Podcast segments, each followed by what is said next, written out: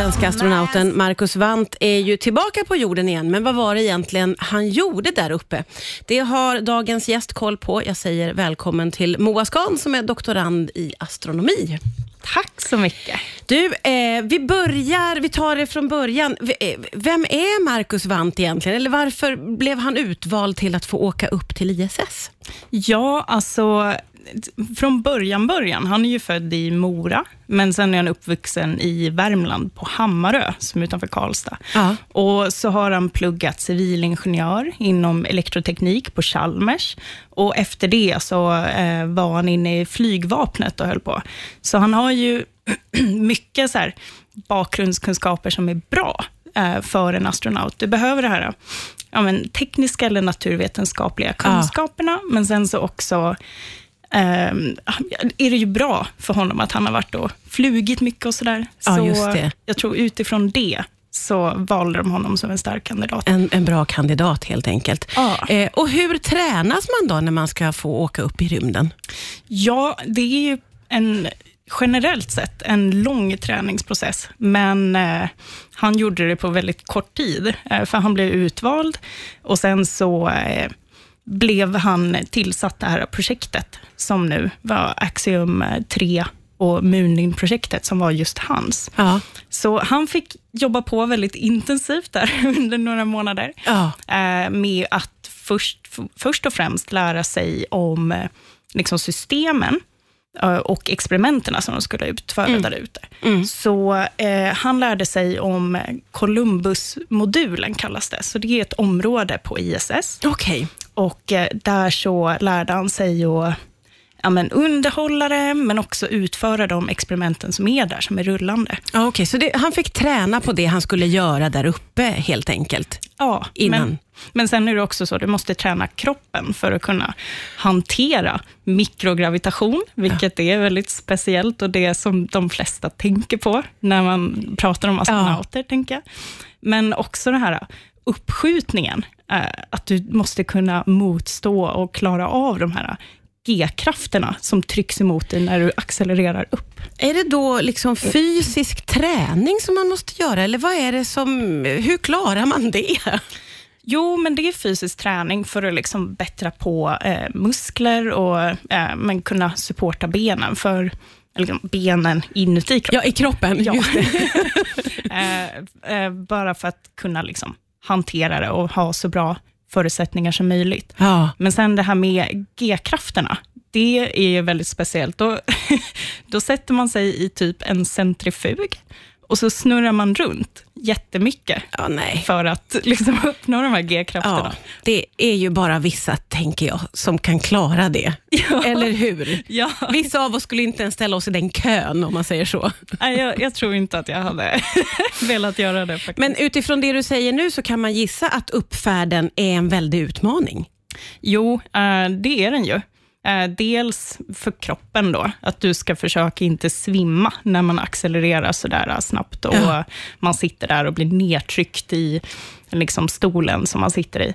Men sen så också att kunna ta sig upp till rymdstationen är ju en, en sak i sig. Ja. Men det är ju någonting som man har förberett sig mycket för. Du sitter, eller liksom, du, du har den här stora kadern med människor som har beräknat exakt på hur, omloppsbanorna och hur raketen ska åka och sådär. Det är många som är involverade när en eh, rymdfarkost skjuts upp i rymden, om man säger så. Ja, det är ju inte bara de som har suttit och räknat med ekvationer på papper, liksom, Nej. utan det är ju hur många som helst som sitter på NASA och SpaceX och sådär. Ja.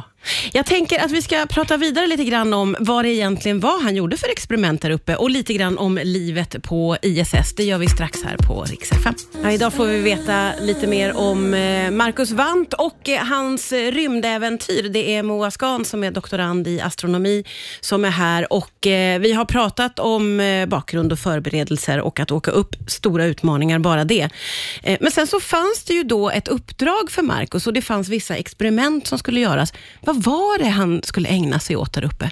Ja, alltså det var väldigt många saker. Eh, en astronauts dag, när de är där uppe på rymdstationen, det är inte att de åker runt och tar det lugnt direkt, utan på två veckor så hade han ju inplanerat 82 forskningstimmar. Oj! Så det, det är rätt mycket. Ja, det är väldigt mycket. Mm. Kan du säga någonting om vad det var han skulle göra där uppe? då? Ja, eh, så det var väldigt massa experiment som man skulle göra, som både liksom internationella och sådär. Men sen så hade han med sig två stycken svenska experiment som eh, han hade planerat att göra.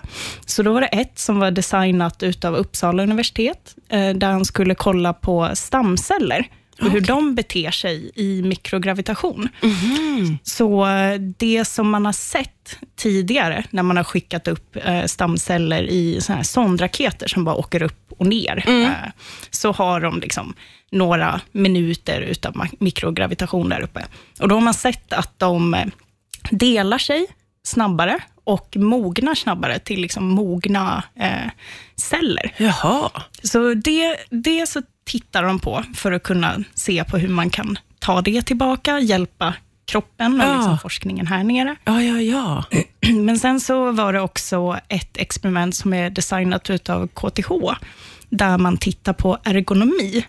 Så det som de ville kolla på var typ hur man som liksom människa och hur kroppen reagerar på att leva i små utrymmen.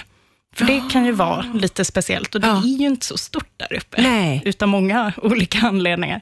Så då så hade han på sig någon liten eh, mössa med massa elektroder som skulle mäta hur eh, han eh, liksom reagerade på Jaha. de här omgivningarna. Så det, det var väldigt spännande experiment. Ja, när får man liksom resultatet på något sånt? Ska, då ska det data tillbaka ner till jorden och någon ska läsa ut det innan Ja, man får precis. veta hur han reagerade på de små utrymmena helt ja, enkelt. exakt. Det tar ju sitt lilla tag. Eh, Som forskare så sitter man Ja. framför sin data och försöker lista ut vad det, vad, vad det betyder. Ja, Så ja. det får se. Man får se. Men du, Ja. eh, då förstår vi att han har haft väldigt eh, liksom upptagna dagar. Han har fått jobba hårt där uppe. Hur är livet annars på ISS? Ja, alltså det är ju väldigt speciellt. Eh, först det här att du är i mikrogravitation och flyter runt eh, som en eh, liten, jag vet inte, ballong eh, där Ja. inne. Men eh, först och främst så verkar det vara rätt socialt, tycker jag. De är ju flera olika astronauter, en del som åkte upp med honom, eh, men sen så är det några som är liksom, ja, mer eller mindre permanent. De är inte där hur länge som helst. Men de är de- under en längre tid då? Exakt. Ja. Eh, Så då så måste man kunna ha liksom socialt samspel med dem, kunna snacka och hänga lite så. Ja. Eh, Men sen så har du ju den här eh, långa dagarna med forskning. Det är ju jobb främst, förstår man. ja, Men det, det känns ju som att det ändå blir viktigt att de har en, en social samvaro, för det måste vara ändå ett, att man är utlämnad på något sätt när man är där uppe. Ja, precis. Du sitter i en liten burk ute i oändligheten. I rymden.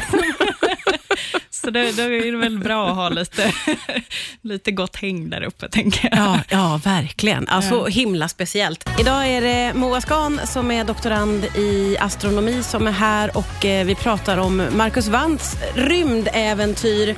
Han tillbringade ju en tid på ISS eh, och då har vi fått veta att det är mycket jobb, eh, men också lite social samvaro naturligtvis. Och man är ju nyfiken på de här väldigt basala sakerna som hur de sover och hur de går på toa. Hur funkar det? Ja, alltså det här med att sova, då så har de typ som en sovsäck som är vid en vägg eller golv eller vad som helst. Det, det är ju det spelar ingen roll. gravitation. Så liksom.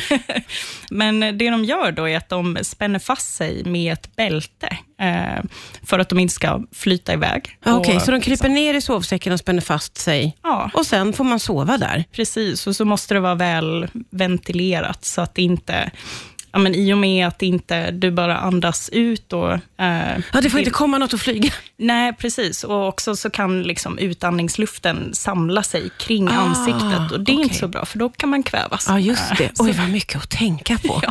Ja. eh, och eh, toaletten då? Hur, hur ser den ens ut? Eller finns det en toa? Ja, ja det, tack gud för det. Nej, men de har en toalett som du också måste spänna fast dig vid. Uh, och sen så sättet som det funkar kanske inte så trevligt att tänka på, men det är typ som en dammsugare kan man säga, så den liksom suger upp. Ja, ja, ja. ja men det fattar man ju, för att det måste, annars tar det ju bara vägen var som helst. Ja, då måste du fånga upp det. ja. Det måste ju vara väldigt speciellt alltså, att ja. leva så. Det är ju superspeciellt. Ja. Eh, och sen när han var klar så var det ju hemfärden och den är alltid lite pirrig för alla inblandade. Eh, hur, hur går går den till?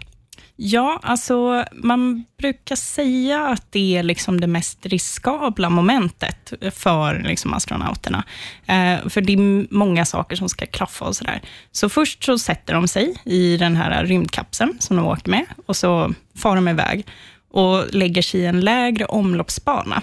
Eh, och sen så vid rätt tillfälle, som man har beräknat sedan tidigare, så ska de gå in i atmosfären.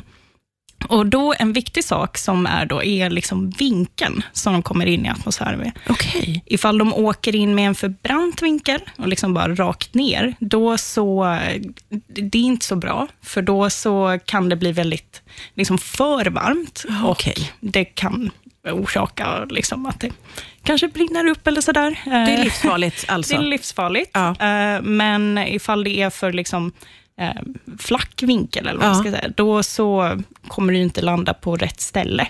Så vinkeln in i atmosfären är jätte, jätteviktig, att den blir exakt? Yes, exakt. Och det är det som är det nerviga momentet? Det är ett utav dem. Ja. Sen så när du kommer in i atmosfären och har det här luftmotståndet som börjar liksom dra eh, i kapseln, då så, det som händer är att det blir väldigt, väldigt varmt, ja. oavsett ifall du får liksom, rätt vinkel eller så. Um, och uh, det gör att uh, liksom, du får ju flera tusen, eller flera tusen, typ 1600 grader Celsius, som är liksom, som den här kapseln utsätts för. Mm. Så du måste ha en väl designad kapsel, men också bra avkylningssystem. Ja. Uh, och det är så pass varmt faktiskt, att luften som är runt omkring, den blir förvandlad till plasma. Uh, vilket är ett uh, speciellt aggregationstillstånd, brukar vi kalla det. Herregud. Ja, så du måste se till att det inte blir varmt där inne. Ja. Och så har du några minuter utav liksom, att de tappar radiosignalen. Ja. För radiosignaler kan inte ta sig igenom plasma. Det blir det som en blir, sköld. Ja, typ. och det blir ju den här evighetsväntan för alla, som också TT rapporterade om, vet jag. Att det kändes som en evighet. Ja, Såklart. Exakt. Det är lite nervigt. Ja. Och sen så landar de till slut i vatten då? Ja, precis. Så det är liksom det sista momentet. Du, då skick, de släpper ut fallskärmar som gör att det bromsas upp. De bromsar upp lite med motorer och sådär också, Ja. men det mesta kommer ju från de här fallskärmarna. Så du måste se till att de vecklas ut ordentligt. Och Det var faktiskt därför som uppskjutningen blev förskjuten lite grann. För de hade kommit på att det var något lite problem med de här fallskärmarna. Ah, okay. Så då ville de säkerställa att det såg okej ut, Ja, att det funkade. Ja. Eh, och det gick bra. Ja. Eh, ja, det gjorde det ju verkligen. ja, så, så Och sen- sist så, Klev de ut där från sin Ja. lilla kapsel och var tillbaka precis, på jorden. Ja, blev hjälpta. Otroligt spännande att få höra om eh, Marcus Wandts rymdäventyr. Moa Skan, tack så jättemycket för att du kom hit idag. Tack så jättemycket.